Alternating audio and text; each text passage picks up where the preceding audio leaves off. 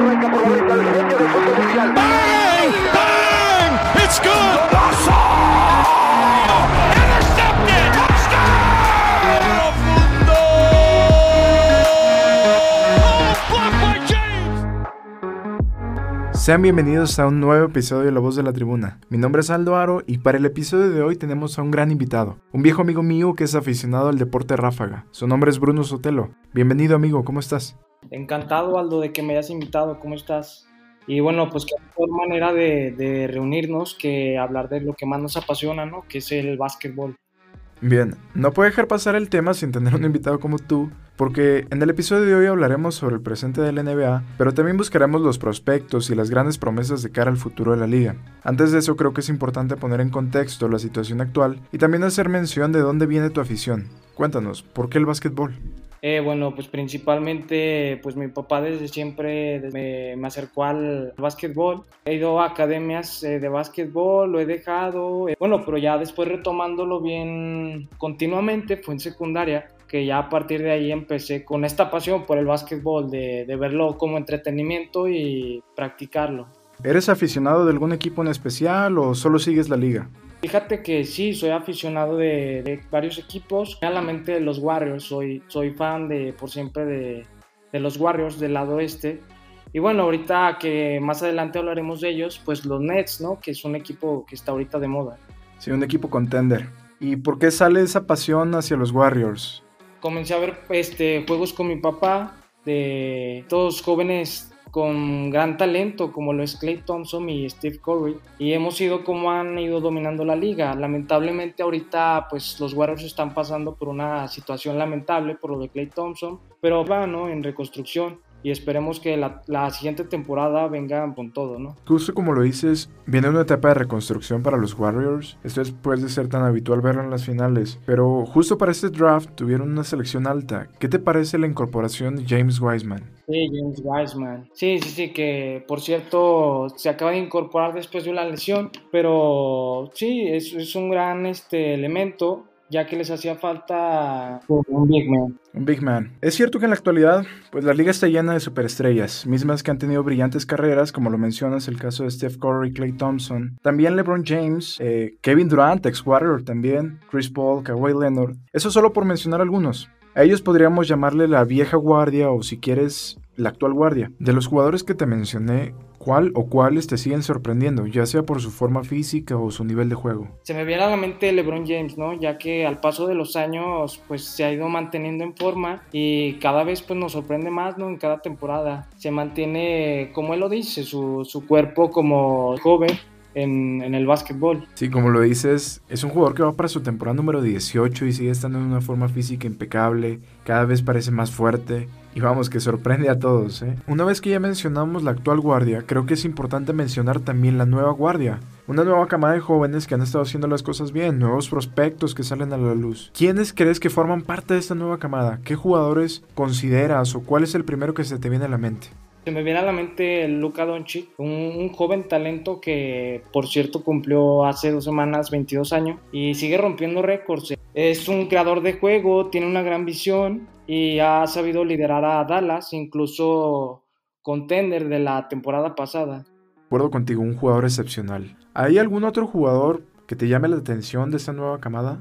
Giannis Antetokounmpo ya, ya tiene 26 años, ya tiene sus años, pero siento que al paso que va y cómo nos está sorprendiendo, cómo ha ido liderando la liga, ya consiguió dos MVP, faltan aún años por jugar en la NBA. Incluso un jugador imparable y siento que tiene que, bueno, por las desventajas que veo, que lo van a frenar un poco, que tiene que desarrollar más el, el tiro, ya que has visto tú los juegos de Yanis, ya lo han sabido dominar en los juegos, y es por eso que tiene que encontrar nuevos métodos, no sé, un triple, buscar el tiro de dos, no solo buscar la canasta hasta llegar a, a, una volcada. Justo como lo dices, un jugador imparable en temporada regular, pero cuando son los playoffs, las defensas suelen cerrarse más y es un poco más complicado llegar al aro. Lo vimos la temporada pasada en la serie contra Miami. Lo obligaron a tomar un tiro más lejano, incluso Jimmy Butler concediendo la falta para que fuera a buscar los puntos desde la línea de libres. Pero vamos, que es un jugador que no se caracteriza por tener el mejor porcentaje de acierto desde esa instancia. Ha ganado dos MVPs, de manera consecutiva, es el actual monarca en ese aspecto. Y otro dato interesante sobre Giannis es que en la temporada 2013-2014, que es su temporada de novato, apenas promediaba 6,8 puntos por partido. Actualmente en el 2020, a media temporada, promedia 29,1 puntos por partido, 11,7 rebotes y 5,8 asistencias por partido. Vamos, que son números de MVP. Sí, ya aún no se descarta la, posibilidad de, encabezar la lista de, de, MVPs de esta temporada, promediando casi 30 puntos por juego. Así es, aún es muy joven la temporada. Tengo otra pregunta. ¿Qué opinas sobre Jason Tatum, la nueva joya de los Celtics de Boston? Eh, bueno, para mí un, excelente jugador que incluso se le ha llegado a comparar con, con Kobe Bryant. Es, es descabellado pensarlo, pero a su vez tiene un juego muy parecido a y me parece que en un futuro ellos pueden llegar a ser eh, finalistas de conferencias con la compañía de Kemba Walker y Jalen Brown. Como dices, es un jugador muy joven, pero ¿te sorprende la mejora que ha tenido? Si vamos a los números, en 2017, que es su campaña de novato, tenía un promedio apenas de 13,9 puntos por partido. Pero ahora, a la mitad de la temporada 2020-2021, está cerca de doblar la cantidad, promediando 24,9 puntos por partido. ¿Qué te dice esta estadística? Sí, sí, sí, como te mencionó Aldo, es, eh, bueno, pues un papel impresionante en, en este equipo, eh, que incluso toma, toma liderazgo y, y, los tiros pues, más importantes en los, en los juegos que tú has visto en esta, en esta campaña. Incluso siento que ha sido un jugador muy mejorado y en los próximos años, suena descabellado pensarlo, pero puede llegar a encabezar la lista de, de MVPs. Ya hemos hablado sobre Luka Doncic y cómo ha liderado a los Mavericks durante esta temporada, al igual que Giannis y los Bucks. Pero creo que estamos dejando a un lado a una sorpresa en esta campaña. ¿Qué impresiones te deja Donovan Mitchell y su gran temporada con los Jazz de Utah? En verdad, este, este jugador me, me impresionó bastante, ya que cuando entró la NBA eh, no pensé que fuera a liderar la liga como lo ha hecho hasta ahora. Sin embargo, en los momentos claves, recordemos que la temporada 2018 contra Oklahoma no tuvo una aparición como se esperaba de este jugador contra Oklahoma en aquellos playoffs. Y todavía te puedo decir que en la temporada 2019-2020, 2020-2021, ese rol no, no, lo ha cumplido al 100%, pero se puede corregir con el tiempo, que madure un poquito más y tome ese rol de, liderazgo en los playoffs. Para ti, Donovan Mitchell es un jugador clutch. Sí, bastante. Sabe tomar los tiros cuando el equipo más lo necesita. Y sobre Zion Williamson, la nueva joya de la NBA. ¿Qué te parece su temporada? Tiene números bestiales, luce de forma física increíble. ¿Cuál es tu impresión de este jugador? Este jugador se ha convertido en jugador franquicia de los Pelicans, reemplazando a Alonso Ball. Recordemos la lesión de la temporada de 2019-2020. Pienso que pudo haber hecho más en, esa campaña e incluso pudo haber ganado el, el, Rocky del año. Eh, como te digo, promediando hasta un 42.9 en triples y actualmente con un 31.6, que pues vaya, no es nada mal y un jugador muy explosivo, parecido, me atrevo a decir, al de LeBron James al momento de, entrar a la canasta. Así es, es un jugador que parece un tren, lo decían los narradores y lo sigo creyendo, es un jugador imparable que junto a, a Giannis Antetokounmpo parecen ser los más duros frente al aro. Sobre los jugadores que mencionamos, ¿cuál crees que tengan la capacidad de liderar a un equipo hasta el final? Porque eso se le cuestiona a figuras como LeBron James o a Kevin Durant, que no han sido capaces de liderar un equipo y terminar cambiando de ciudad para ir a una franquicia contendiente. Una franquicia llena de estrellas, el caso de James formando un Big Tree con Dwayne Wade y Chris Bosh, y el caso de Kevin Durant con tus Warriors, con Stephen Curry y Clay Thompson. ¿Cuál de estos jugadores crees que tiene la capacidad en un futuro de liderar a un equipo, de ser un equipo contender, de fajarse el pantalón y decir, aquí estamos? Yo creo que Luka Doncic, eh, porque veamos lo que es un creador de juego, eh, se espera en los momentos que, su equipo lo necesita. lo hemos visto en los playoffs, eh, un, papel extraordinario y cómo ha ido evolucionando. El mismo James Harden hace una semana, recuerdas el juego contra los Nets, mencionó que veía a Luca muy cambiado en el estilo de juego y en, eso estoy completamente de acuerdo. Como mencionas, los números de Luca son increíbles, pero también tiene cierto favoritismo respecto a ser el MVP esta temporada. Tiene un promedio de 28,6 puntos por partido, 8.4 rebotes por juego y nueve asistencias. Vamos, son números bestiales, muy cerca del triple doble. Ahora que mencionabas a James Harden, la nueva adquisición de los Brooklyn Nets, te quiero preguntar, ¿ves claro contendiente a estos Nets, a este equipo? ¿Lo ves sólido? Eh, sí, bastante sólido. En específico, esa conferencia aún se ve un poco peleada, porque recordemos que está Filadelfia, están los Bucks y Boston, pero yo firmemente pienso que los Nets van a llegar a ser finalistas de la conferencia y si hacen un buen rol en esto, pues los esperaremos pues del otro lado, ya sean, no sé, con los Lakers, con Utah. Siento que si en esta campaña no se gana como espera Steve Nash, eh, sería un gran desperdicio porque imagínate volver a juntar a tres grandes estrellas que muy pronto volverán a ser agentes libres en la siguiente temporada. Una pregunta más sobre este equipo. ¿No crees que les hace falta defensa? Tienen mucho potencial al ataque. Tienen tres anotadores natos, como es Kevin Durant, Kyrie Irving y James Harden, que ha adaptado un rol de asistidor. Pero si vamos a la defensa, ¿quién se encarga de ella? Tenemos a DeAndre Jordan, pero en el poste bajo. Igual tenemos, pues realmente muchos anotadores. Como tú lo dices, les hace falta por esa parte de la defensa. Eh, siento que se compensa el hecho de, tener una gran ofensiva, pero al momento de los playoffs les va a hacer bastante, bastante falta defensiva en esa parte. Justo eso iba, porque en los playoffs las defensas suelen cerrarse, los resultados son menores. En la temporada regular vemos marcadores muy abultados, pero en postemporada eso cambia, las defensas estudian mejor a sus rivales y recordemos que la serie se puede ir hasta 7 encuentros, entonces es un lado flaco de los Brooklyn Nets. ¿No crees que la salida de Jarrett Allen afecta a este equipo?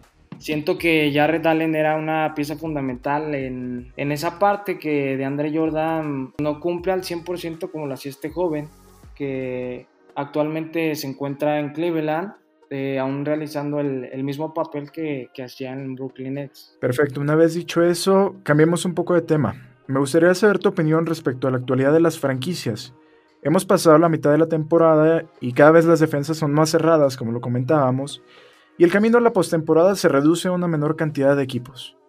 Por ello te pregunto, ¿en qué equipos tenemos que poner atención? Vamos, para los escuchas de este podcast, ¿a qué equipos le recomiendas que pongan un ojo sobre ellos? Yo veo un, un Utah Jazz muy reforzado del lado este, eh, pues tenemos a los Lakers que fueron campeones la temporada pasada, que no hay que descartarlos a Filadelfia y a Brooklyn Nets. Mencionabas dos de los equipos en los cuales se encuentran candidatos al MVP esta temporada. Los Lakers con LeBron James y los 76ers con Joel Embiid. Hay que sumar a Nikola Jokic de los Denver Nuggets. ¿Piensas que es correcto esta selección hasta el momento que tiene la prensa para decidir al MVP?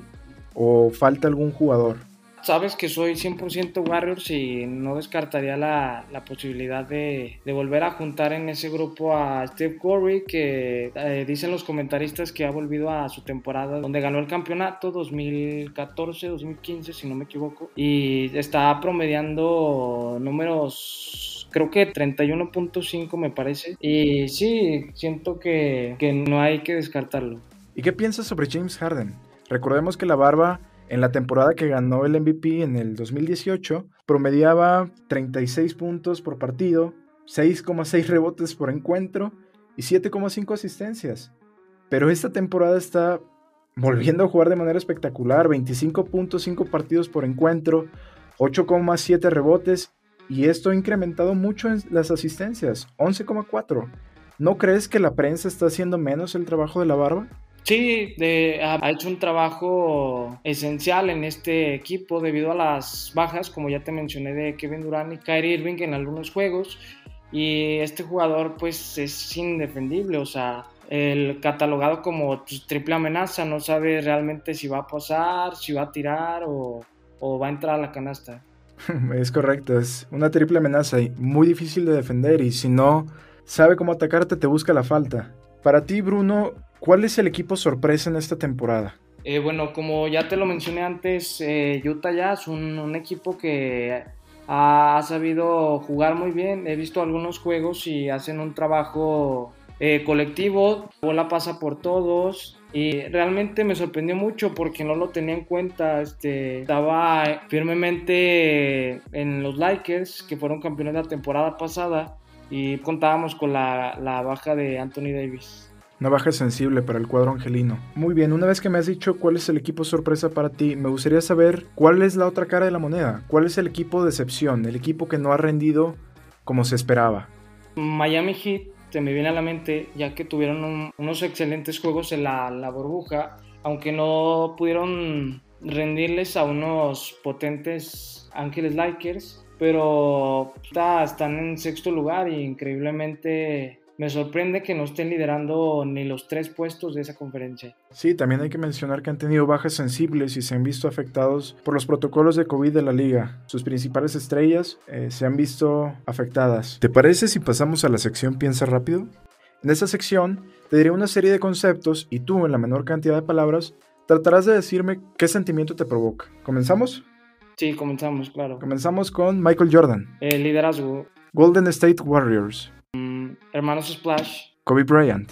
Mama Mentality. Steph Curry. Excelente triplero. LeBron James. Explosivo. Luka Doncic. Creador de juego. Steve Kerr. Exjugador de Chicago. NBA. El mejor básquetbol del mundo.